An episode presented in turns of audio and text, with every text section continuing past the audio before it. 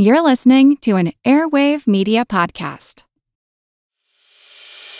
As a longtime foreign correspondent, I've worked in lots of places, but nowhere as important to the world as China. I'm Jane Perlez, former Beijing bureau chief for the New York Times. Join me on my new podcast, Face Off US versus China, where I'll take you behind the scenes in the tumultuous US China relationship. Find Face Off wherever you get your podcasts. We all know how important it is to keep your eye on the money, and not just your own. Stay on top of the latest financial and market news with Yahoo Finance, a podcast that releases new episodes almost every day. You'll hear a brief overview of the biggest news in the financial world, all in three minutes or less, right after markets close. Check out Yahoo Finance wherever you get your podcasts. That's Yahoo Finance wherever you get your podcasts. This is Kick Ass News. I'm Ben Mathis.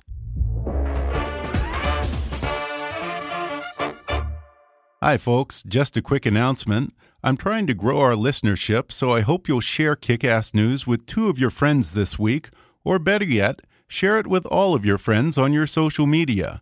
And if you'd like to pitch in and become a part of what I'm doing here, then donate to our GoFundMe campaign at gofundme.com slash kickassnews. Whatever you can do to support the podcast is appreciated, and it shows me that you value this little show that I put out every week. Thanks for listening, and now enjoy the podcast. Hi, I'm Ben Mathis, and welcome to Kick Ass News. It's the bombshell criminal sex scandal that threatened to derail not just one, but both presidential campaigns this year.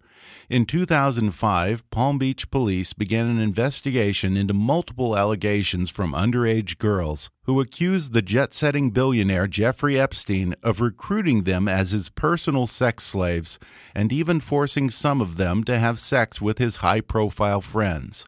Then, in a mysterious twist, the Florida state attorney ignored the Palm Beach Police Department's request for an arrest warrant and instead handed Epstein a sweetheart plea deal in which he only admitted to one count of solicitation of prostitution and served 13 months on work release, which allowed him to spend up to 16 hours a day at his Palm Beach mansion, only returning to jail at night to sleep. It led to widespread speculation on why Epstein got off so easy, much of it focusing on an unusual provision in the deal, which stated that the prosecutors would not charge anyone else associated with Epstein's crimes. All told, 47 accusers have now come forward, and they've even said that Epstein loaned them out to his powerful friends. One of Epstein's underage sex slaves has claimed that she saw Bill Clinton on Epstein's private island known as Orgy Island with two young girls, while a different Jane Doe has refiled a civil suit this month accusing Donald Trump of raping her at Epstein's New York mansion when she was only 13 years old. The horrifying and sensational facts of Epstein's case also captured the interest of best selling novelist James Patterson and inspired him to make one of his rare forays into nonfiction with a new book called Filthy Rich A Powerful Billionaire, The Sex Scandal That Undid Him, and All the Justice That Money Can Buy. The Shocking True Story of Jeffrey Epstein, which James Patterson authored with the help of investigative reporter John Connolly with Tim Malloy. It debuted at number three on the New York Times nonfiction bestseller list, and James Patterson is no stranger to that list. As a matter of fact, he holds the Guinness World Record for the most number one New York Times bestsellers, as well as for being the first author in history to sell 1 million ebooks. All told, his books have sold more than 350 million copies to date. In the past decade, he has sold more books than any author, including Stephen King and J.K. Rowling, putting him at the top of Forbes' list of highest paid authors for the third consecutive year in a row in 2016. He's best known for his thrillers, which include the phenomenon that is the Alex Cross series, as well as his Michael Bennett, Women's Murder Club, Daniel X, and Maximum Ride series. More recently, he's also written bestsellers for children's, middle grade, and young adult fiction, and he's donated millions of dollars to encourage Americans of all ages to read more books, leading the National Book Foundation to bestow on Patterson their Literarian Award in 2015 in recognition of his efforts as, quote, a passionate campaigner to make books and reading a national priority.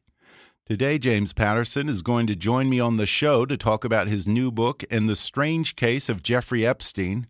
We'll find out how the mysterious billionaire made his fortune to begin with, and hear just a few of the stories of the 40 plus victims who've come forward accusing him of sexually assaulting or molesting them at ages as young as 12 and 13. James Patterson will talk about how Epstein went about recruiting teenage girls on an almost industrial scale and how it led Donald Trump to personally ban him from Mar a Lago.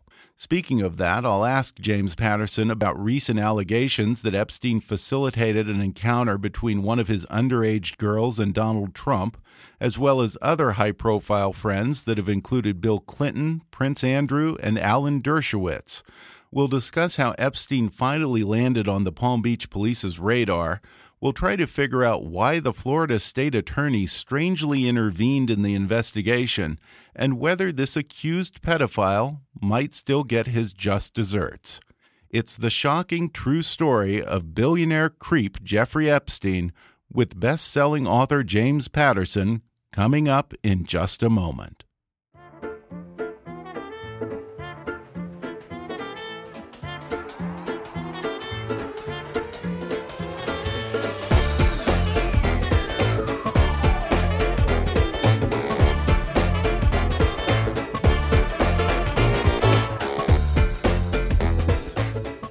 He holds the Guinness World Record for the most number one New York Times bestsellers, and his books, including the wildly popular Alex Cross series, have sold over 350 million copies.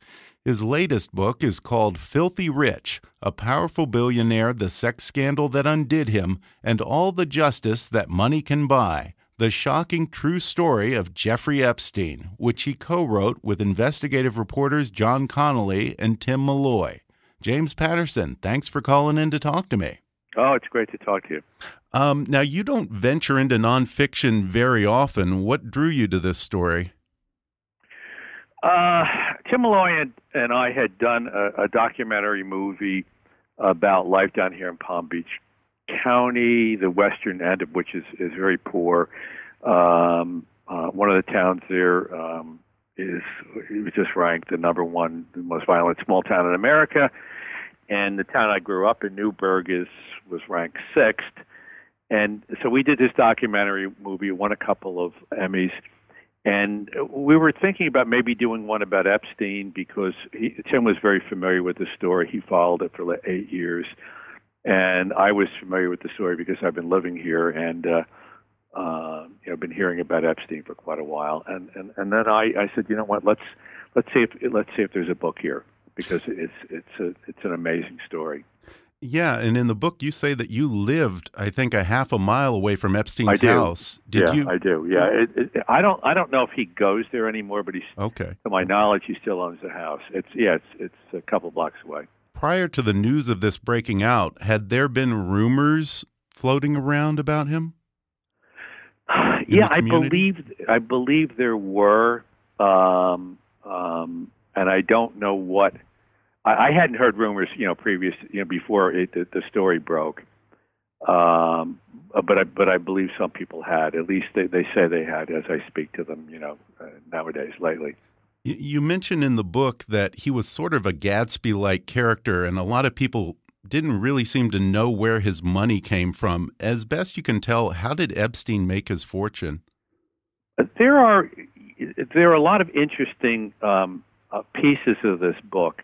Um, things that you know, I, I, I watched the the movie Sully um, a couple of about a week or so ago, and I thought I knew the story, but then I watched the movie and I went, "Wow, I really didn't know the story." And it's amazing to me that there was so much written about it in the press, and yet the story a lot of the story didn't come out it's the same thing with this story mm-hmm. um, it's been written about and and uh, things have been written about Epstein, but much a lot of it really didn't come out. One of the the pieces is just Epstein himself, starting with the fact that you know he taught at the Dalton School in New York, which is a very good private uh, prep school, right. and he wasn't a college graduate, which is kind of unheard of uh, in in prep schools.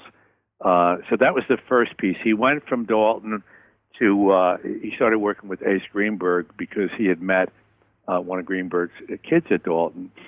Um, and and then he just continued to make money, which astounded everybody. I mean, he went from having no money to you know to to becoming a billionaire. Uh, one of the the, the big um, accounts that he had ultimately with his little company was with Wexner um, uh, out in, out in Ohio. Uh, uh, Les Wexner had started the Limited and and a few of the other big uh, clothing chains. Uh, so so we lay out sort of the story of how Epstein went from from Coney Island to to amassing a billion dollars. That's one of the stories. Yeah, and do you have any idea where his obsession with having sex with underage girls came from, or when that began? No. we don't know that because uh, you know, to our knowledge, we, we weren't familiar with any any shrinks that he may or, or might not have seen. Uh, I offered to interview him. You know, we were contacted by his lawyers a couple of times, and I said, "Look, I'd I'd love to interview him and hear his side of the story," uh, which certainly would have been interesting. Um, he declined to do that, and actually, at the end of the book, I, I, I mention this and I say, "Here are the questions I would have asked." And the last thing in the book is is is, is the question: uh, How do you sleep at night? Yeah, yeah. You've written so many thrillers dealing with fictional crimes, murders, the worst possible kind of villains.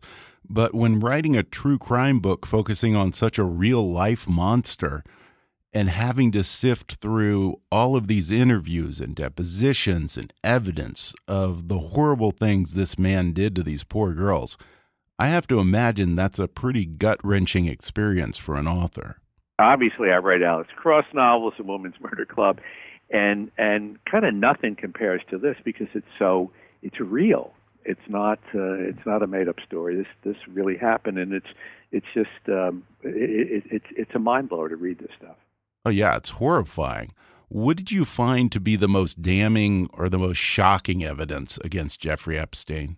One of the other pieces that uh, is is new in this book, and it, it, actually we we got it very late in in the investigation, were um, half a dozen uh, in police interviews with with some of these young girls, and these were interviews with no lawyers present, so they just kind of laid it out, wow. and it it just um, it, it makes everything very emotional and not, it's no longer kind of an intellectual investigation. It's like yeah. this stuff happened, or these these women, these young women certainly said it happened, and and it's six different kinds of story, but all comparable in terms of going to Epstein's house and, and what happened up in his in his in his bedroom, uh, and it's just extraordinary in terms of okay, this it, it, this really happened, yeah, uh, at least according to to these girls, and I, I can't imagine any way that all of them could have come up with stories that had some of these common elements. They didn't know each other. They didn't,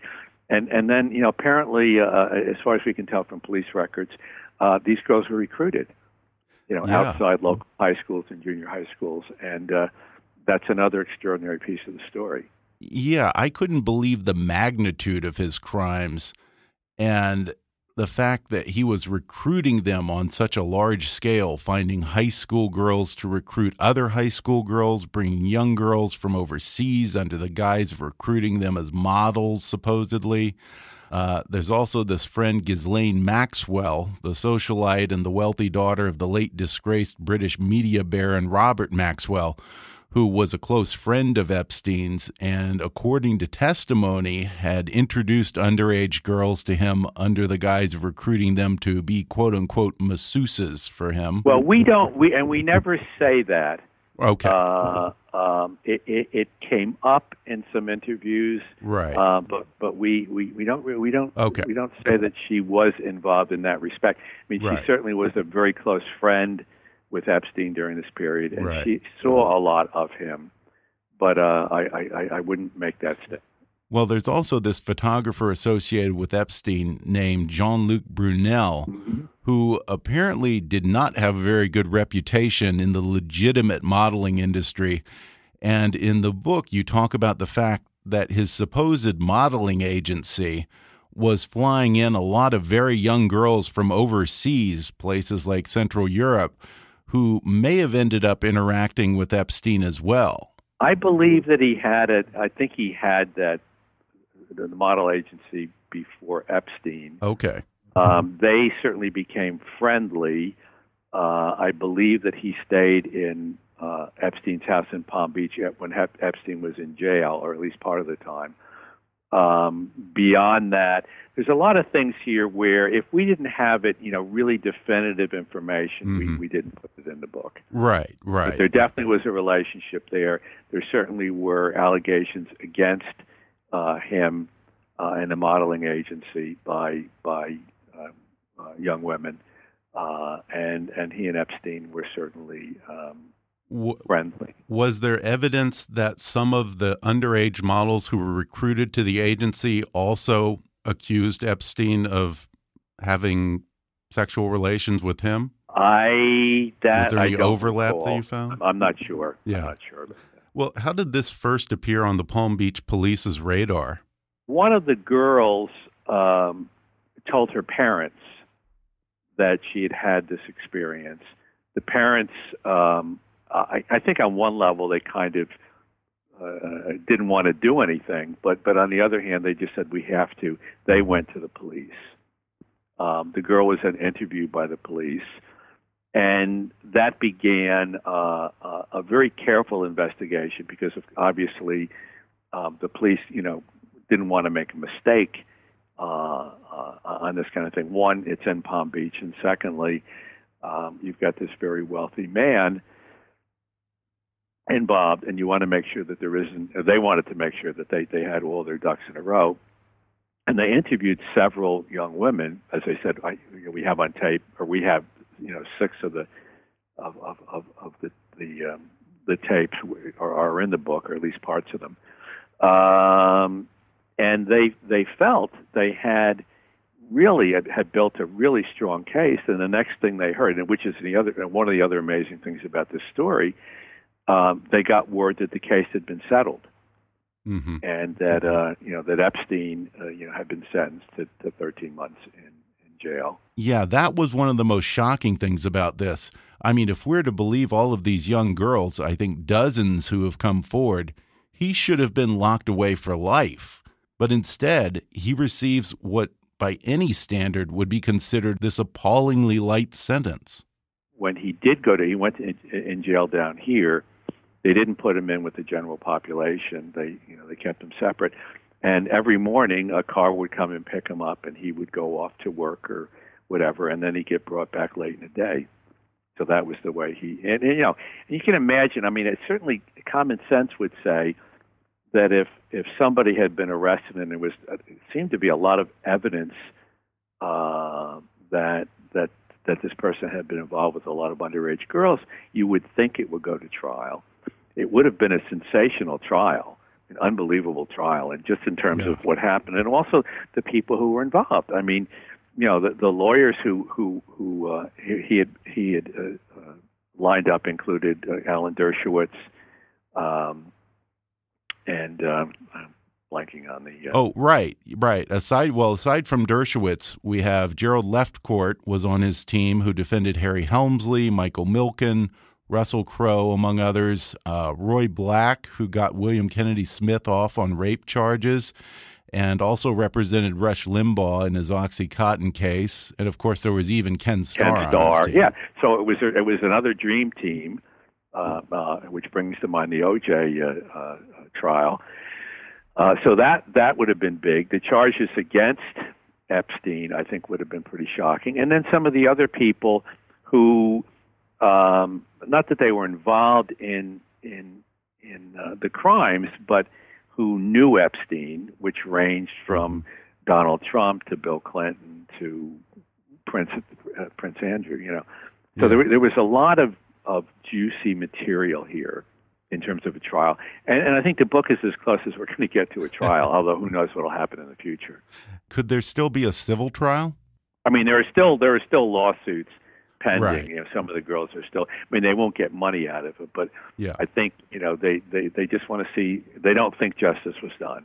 Right. And it sounds like Palm Beach Police Chief Reiter really didn't think so either. I mean, he even wrote a letter of protest to the state attorney. And it's a shame because from everything that I read in the book, it sounds like his detectives were extremely careful and very thorough.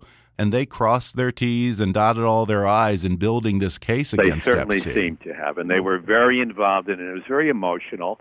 Yeah. I mean, some of some of these people had you know uh, uh, families and and kids and whatever, and and you know, and for anybody, I mean, it's just, it's just an emotional situation if indeed this guy was guilty. Right. It struck me as a little fishy, or at the very least, highly unusual, because by all accounts, the police put countless hours and manpower into building a very solid case against Epstein.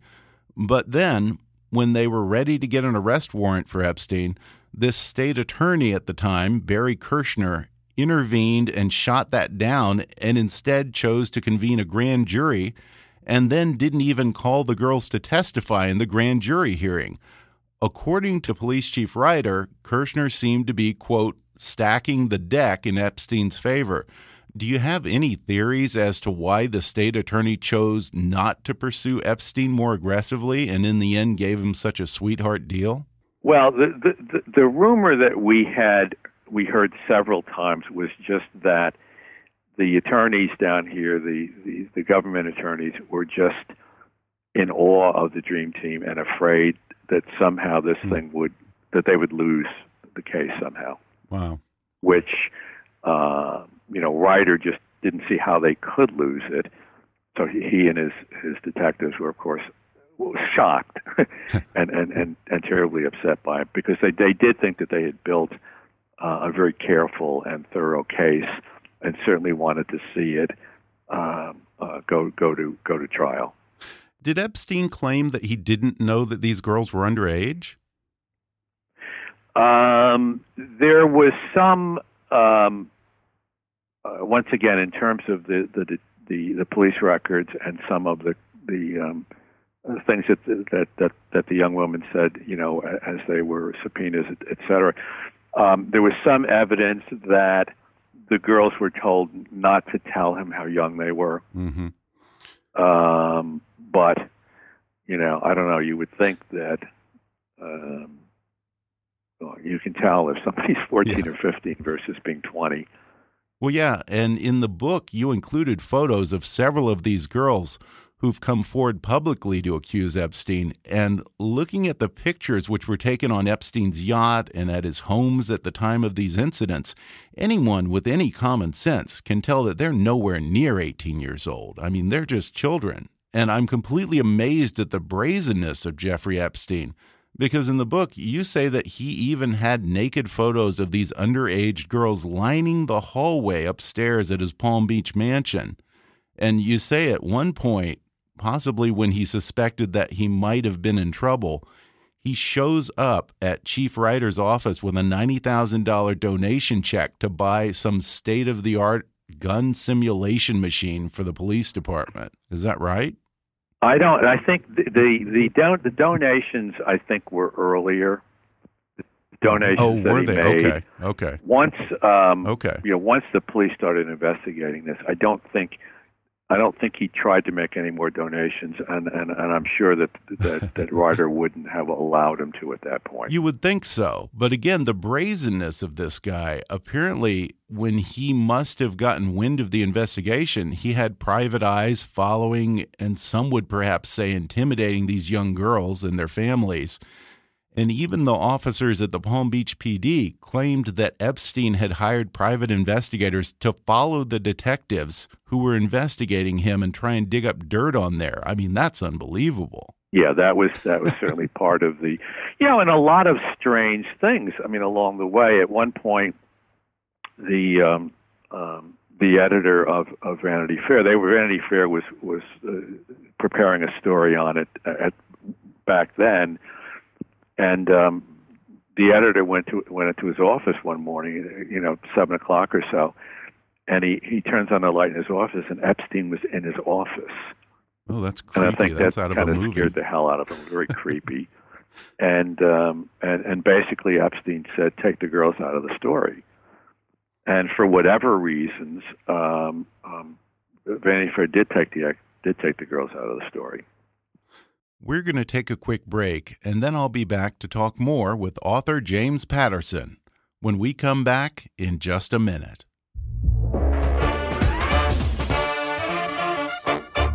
If you're interested in my conversation today, you should check out Filthy Rich, a powerful billionaire, the sex scandal that undid him, and all the justice that money can buy. The shocking true story of Jeffrey Epstein by my guest today, best selling author James Patterson.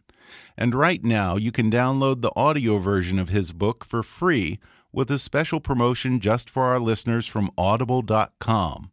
Just go to audibletrial.com slash kickassnews for a free 30-day trial and a free audiobook download, which can be Filthy Rich by James Patterson or any of Audible's 180,000 titles.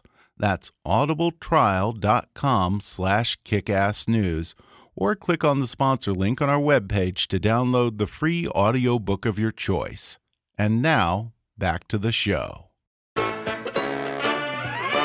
I think the only reason Vanity Fair was even doing an article on him was because he started hanging out with Bill Clinton and getting involved with the Clinton Foundation. And I think you said Bill Clinton flew on Epstein's 727, later dubbed the Lolita Express, something like 26 times, including on a trip to Africa, which got a lot of press attention. And because no one seemed to know much about this mysterious billionaire, Jeffrey Epstein, Graydon Carter decided to do a Vanity Fair article on him, but it sounds like he probably might have gotten away with this for a lot longer and been able to stay under the radar if he hadn't started hanging out with a former president and attracting all this attention, flying him all over the world in his jet. That made it. That certainly made it large, a large, a larger story. We had, you know, and and we would have really anywhere where we had a lot of evidence, but and uh, we did talk to pilots, you know, who who uh, you know were, were pilots for for the plane for Epstein's plane and whatever, and um, nothing negative came up about Clinton uh, Okay. or or Trump, either one of them. okay. Uh, when Trump um, uh, apparently, according to the the records, um, Epstein uh, made some advances at one of the girls, you know, who frequented uh, Yeah, Trump's that was place. interesting. And when Trump heard about it, he basically banned um, Epstein from from the heat from from the grounds. Right. You said Trump had him banned from Mar-a-Lago because one of the members complained directly to Trump that Epstein had invited his young daughter over to his house and tried to get her to take her clothes off. So apparently Trump told Epstein he was persona non grata at Mar-a-Lago. I think you also say in the book that one of Epstein's alleged victims was recruited by Epstein's friend Ghislaine Maxwell while the girl was working as a locker room attendant at Mar-a-Lago. I don't I don't think we said that Ghislaine. I I you know Oh, okay. Oh, I could okay. be wrong, but I don't think we did. Oh, okay. Okay. I, I had thought that there was one in there. I, I thought it was Virginia Roberts was a changing room assistant at Mar-a-Lago when she met Maxwell. No, Virginia was definitely a girl who was involved, but I don't I don't think we tied it to Ghislaine. For sure, he she and Epstein were were very friendly. Yeah. During this time. Uh, in terms of any involvement with her and the girls, we don't really, nothing came out that we felt we could use. There's nothing that we wrote about in terms of, of Ghislaine uh, recruiting anybody. No, I think it's in the book. As. I said. You know, let me look. Here, hold on. I think I have it here. Okay, on page 132 to 133, uh, if you'll allow me to quote your book, Yeah. it says here a woman named Virginia Roberts, according to a court document Virginia filed in her civil lawsuit against Epstein, she was a changing room assistant at Mar-a-Lago, earning about $9 an hour when Ghislaine Maxwell approached her. Maxwell asked Virginia if she was interested in learning to be a massage therapist, which it turned out she was. Like the other girl, Virginia told her father, who was also employed at Mar a Lago as a maintenance man, but Virginia's father saw nothing wrong with the offer, and he drove her later that day to Epstein's house on El Brillo Way. There, according to the document, Maxwell assured Virginia's father that Miss Maxwell would provide transportation home for his teenage daughter. Then she led Virginia upstairs to a spa room equipped with a shower and a massage table Jeffrey Epstein was lying naked on the table. Continuing on here, it says here in your book, Miss Maxwell then took off her shirt and left on her underwear and started rubbing her breasts across Jeffrey's body, impliedly showing Virginia what she was expected to do. The filing continues. Miss Maxwell then told Virginia to take off her clothes, the minor girl was apprehensive about doing this, but in fear proceeded to follow Miss Maxwell by removing everything but her underwear. She was then ordered to remove her underwear and straddle Epstein. The encounter escalated with Jeffrey and Miss Maxwell sexually assaulting, battering, exploiting, and abusing Virginia in various ways and in various locations, including the steam room and the shower. At the end of this sexually exploitive abuse, Epstein and Miss Maxwell giddily told Virginia to return the following day and told her she had, quote, lots of potential. At the time, Virginia was 15 years old. That's right here in the book. Yeah, that was that was certainly. I think that's accurate. Yeah, and in the plea deal, um, correct me if I'm wrong, but there was a weird provision that said no one else would be charged in connection with this. Is that right? Yeah. Could one assume that that was perhaps to protect some of the more high-profile names that he was mixed up with? Can't really make that assumption, and we didn't. we didn't get anything. Too much of a leap. Yeah, we didn't okay. get anything. But would you I say mean, that's you know, a strange it, provision in a plea deal? Um, to protect I, other people it, involved. That would seem to be unusual. Yes. Yeah. And, and it wouldn't have been his house staff since um, they didn't seem to get protected. yeah, and among them was Epstein's gardener, Alfredo Rodriguez, who was convicted for stealing some of Epstein's papers, including papers that had dates and names of underage girls and places he had taken them. They also included names and phone numbers for people like Henry Kissinger, Mick Jagger, Dustin Hoffman, David Koch, Ted Kennedy, Donald Trump, Bill Clinton, Bill Richardson, and Ehud Barak. Yeah, once again, I can't. Yes, that is accurate, but you know, a lot of people have right. Have, um, you know, I mean, I have a book with a bunch of names in it too, but it doesn't mean that. Okay. Uh, yeah. Well, that's what I was going to ask because some of these men like Ted Kennedy, Trump, Clinton, Mick Jagger aren't exactly Boy Scouts, and they've had sex scandals of their own. So I was going to ask in these papers, are those names of young girls and those dates and locations and trips in any way involved or related to some of these other well known names, or were they from completely unrelated documents? As, as I as said, know? anything where where we had clear evidence uh, that somebody was implicated, we implicated them. Yeah. But yeah. Uh, there was nothing in terms of, of any of the names in that book. Mm-hmm.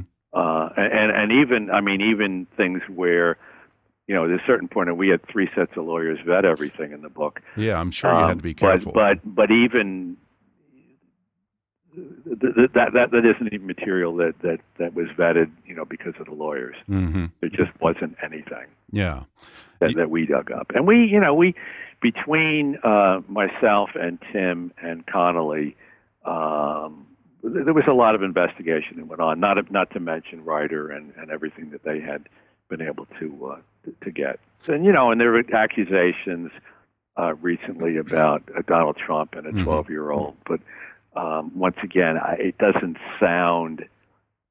Uh, I, certainly, when I read those things, I went, I, "That doesn't sound very credible to me." Really, I believe you're referring to a woman who has refiled a civil suit against Trump just this month, in which she alleges that Trump and Epstein raped her at a party at Epstein's New York apartment when she was just 13 years old. And in the complaint, at least one other girl claims to have witnessed it. What is it that seems suspect to you about her story? You know, just as a lot of people are jumping on different bandwagons now, you know. Yeah. And and probably some are credible and a lot of them aren't.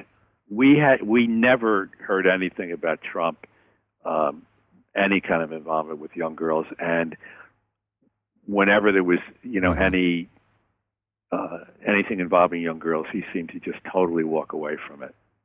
I wonder, do you know if the date of these allegations matches up or, or was after or before Trump had Epstein banned from Mar-a-Lago? The, allegations of the twelve-year-old.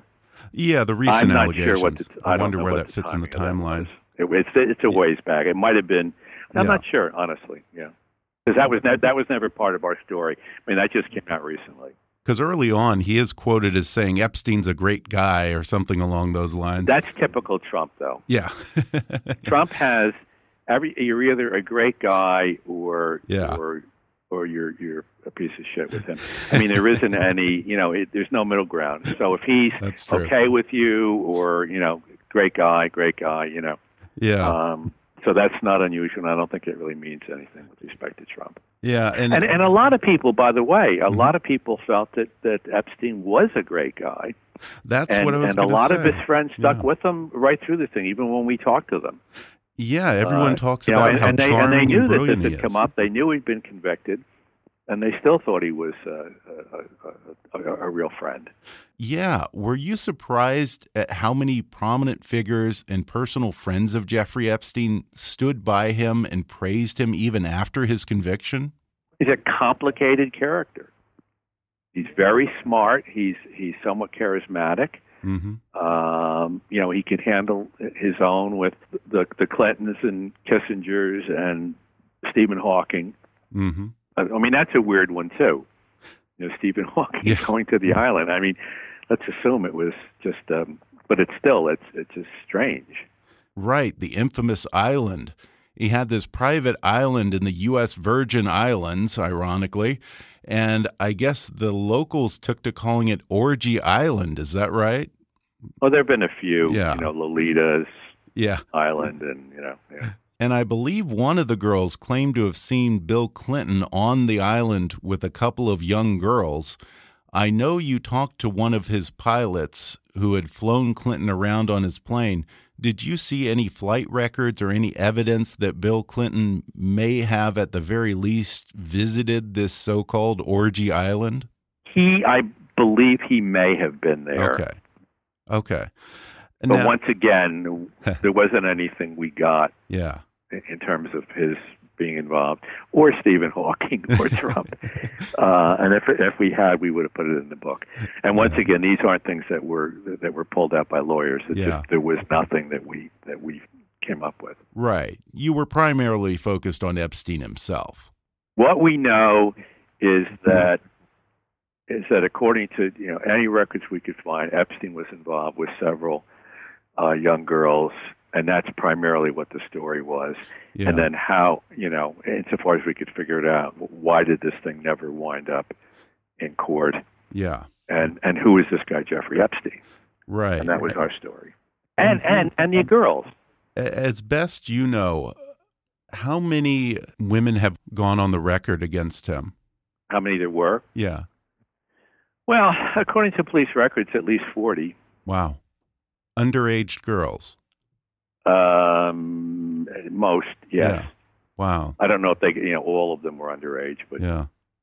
And, and I was amazed that uh, in one case, one girl was saying that he even was telling her that he wanted her to file for emancipation and move out of her parents' house and move in with him. it doesn't doesn't seem far fetched. Yeah, yeah, yeah. It's just remarkable. Now, as far as we know, he's pretty much gotten off now. Uh, is, there was an FBI investigation, right? Uh, Where's that now? Um, I, you know, there, I mean, as I as I said earlier, some of the girls um, have, you know, tried to continue to bring lawsuits against them. So far, Civil nothing suits, right? has happened, and certainly the the um, uh, the district attorneys down here have not cooperated hmm uh, very much. They don't want to open this thing up again. Oh, really? Why not? Uh, I think they feel that justice was done. Wow, doesn't seem like it to me. But um, w where is the FBI investigation? Is that a closed case now, or is that ongoing? I, I don't know where it is. Right, I don't know what the state of that is. Okay. Right I wonder what is. Do you have any idea what his world is like today? Is he shunned in Palm Beach society, or does he still? Has he uh, I don't think anybody's seen him here. I mean, I've talked to a lot of people. Yeah. I have a friend who actually lives on that street, and nobody has seen him for quite a while. Um, there was a period when um, some people who either were on the street or visited the street said, "This is so strange. We just see so many like pretty girls going to that house at the end of the street." Um, and and but of late, I don't think anybody's seen them. Um, there was a, a sort of an interesting piece that the daily, the New York Daily News uh, uh, wrote a little thing the week before the book uh, came out, saying that friends of of uh, Epstein had told him to get out of town for a month or so. Um, when the book hit, you know, and the cover has you know, him on the cover. And and he's never reached out to yeah. you. He hasn't tried to file a lawsuit or anything against the publisher. No, as I said, there was well, the lawyers reached to you know spoke to us initially, mainly saying that um, you know we shouldn't be publishing things that were in the media because they're yeah. not accurate. So um, but that was sort of the extent of it. And as I said, I did. I certainly offered to to uh, give him his. Uh, yeah. You know, let, let, let him lay out his case. What is your process like? Is it different when you work on a nonfiction book than when you're yeah, doing, this, say, the yeah, Alex because, Cross um, series? You know, with with, I mean, I wrote another nonfiction, you know, the Murder of King Tut, and you know, right. as a fiction writer, I didn't want Tut to die, you know, and I can do that in fiction. Mm. I can just change stuff. Uh, here, you know, you're the facts are the facts, so it's it's much more uh, constricted um, in terms of, of of what you can say. I still, you know, I wanted the story to um, to be very readable. I find a lot of nonfiction to be kind of plodding and. Uh, yeah. You know, because of the lawyers, I think the thing is a little more disjointed than I would have liked uh, in terms of really telling the story in a very dramatic fashion. And um, well, don't be uh, but, too you know, hard on yourself. In, yeah, well, you know, it. it's it's it's it's definitely readable, and it's you know yeah. it as I said it it's the closest we're going to get to, uh, uh, to to to a trial at least so far. Maybe something will happen in the future. Yeah. Um, and and the pieces are are stunning. I think. Yeah. Um, and and you wrote it with John Connolly and Tim Malloy. Do you like collaborating with other writers? I always think of writers as being, you know, the lone guy with the typewriter. You know. Oh yeah, no, I've been doing it for a long time. Yeah. This is different because you know in the fiction, uh, you know, I will do the outline, and um, you know, people give me pages every couple of weeks, and I go, keep going or hold it, hold it, hold it. We're off the tracks here. This is a little little different. And also, I you know, in fiction, I can change things. Right, I can go, okay, well that that was going to, you know, you know what, but she, yeah. she didn't do it. He did it. No lawyers so to deal with in fiction, huh? yeah, you can't. Well, there's that, and, and it's just, I mean, and, and reality. Here, here are the facts. Here's what really happened. And, yeah. and we tried to be as fair as we could be to everybody involved. Yeah. So mm-hmm. if we didn't have the evidence, we just, um, you know, we, we we're not going to not it's not the National Enquirer. Yeah, well, it's a very compelling read. I would recommend it to anyone, and I hope one day this guy gets his justice. Again, the book is called Filthy Rich A Powerful Billionaire, The Sex Scandal That Undid Him, and All the Justice That Money Can Buy The Shocking True Story of Jeffrey Epstein by James Patterson with John Connolly and Tim Malloy. James Patterson, thanks for talking with me. Thank you very much.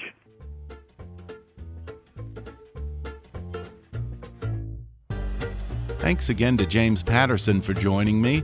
If you enjoyed today's podcast, then you can order his book, Filthy Rich A Powerful Billionaire, The Sex Scandal That Undid Him, and All the Justice That Money Can Buy The Shocking True Story of Jeffrey Epstein. It's available on Amazon, or you can download the audio version for free through that special trial offer just for our listeners from audibletrial.com slash kickassnews. He also has a new novel in his wildly successful Alex Cross series called Cross the Line, coming out in time for your holiday reading on November 21st. Keep up with James Patterson on his website at jamespatterson.com, or you can follow him on Twitter at, at JP underscore books. Be sure to subscribe to Kickass News on iTunes and leave us a review while you're there. You can visit Kickass News on Facebook or follow us on Twitter at, at KAPolitics. And please be sure to recommend Kickass News to your friends on your social media. And if you really want to help out, then donate to our GoFundMe campaign at gofundme.com slash kickassnews. As always, I welcome your comments, questions, and suggestions at comments at kickassnews.com. For now, though, I'm Ben Mathis, and thanks for listening to Kickass News.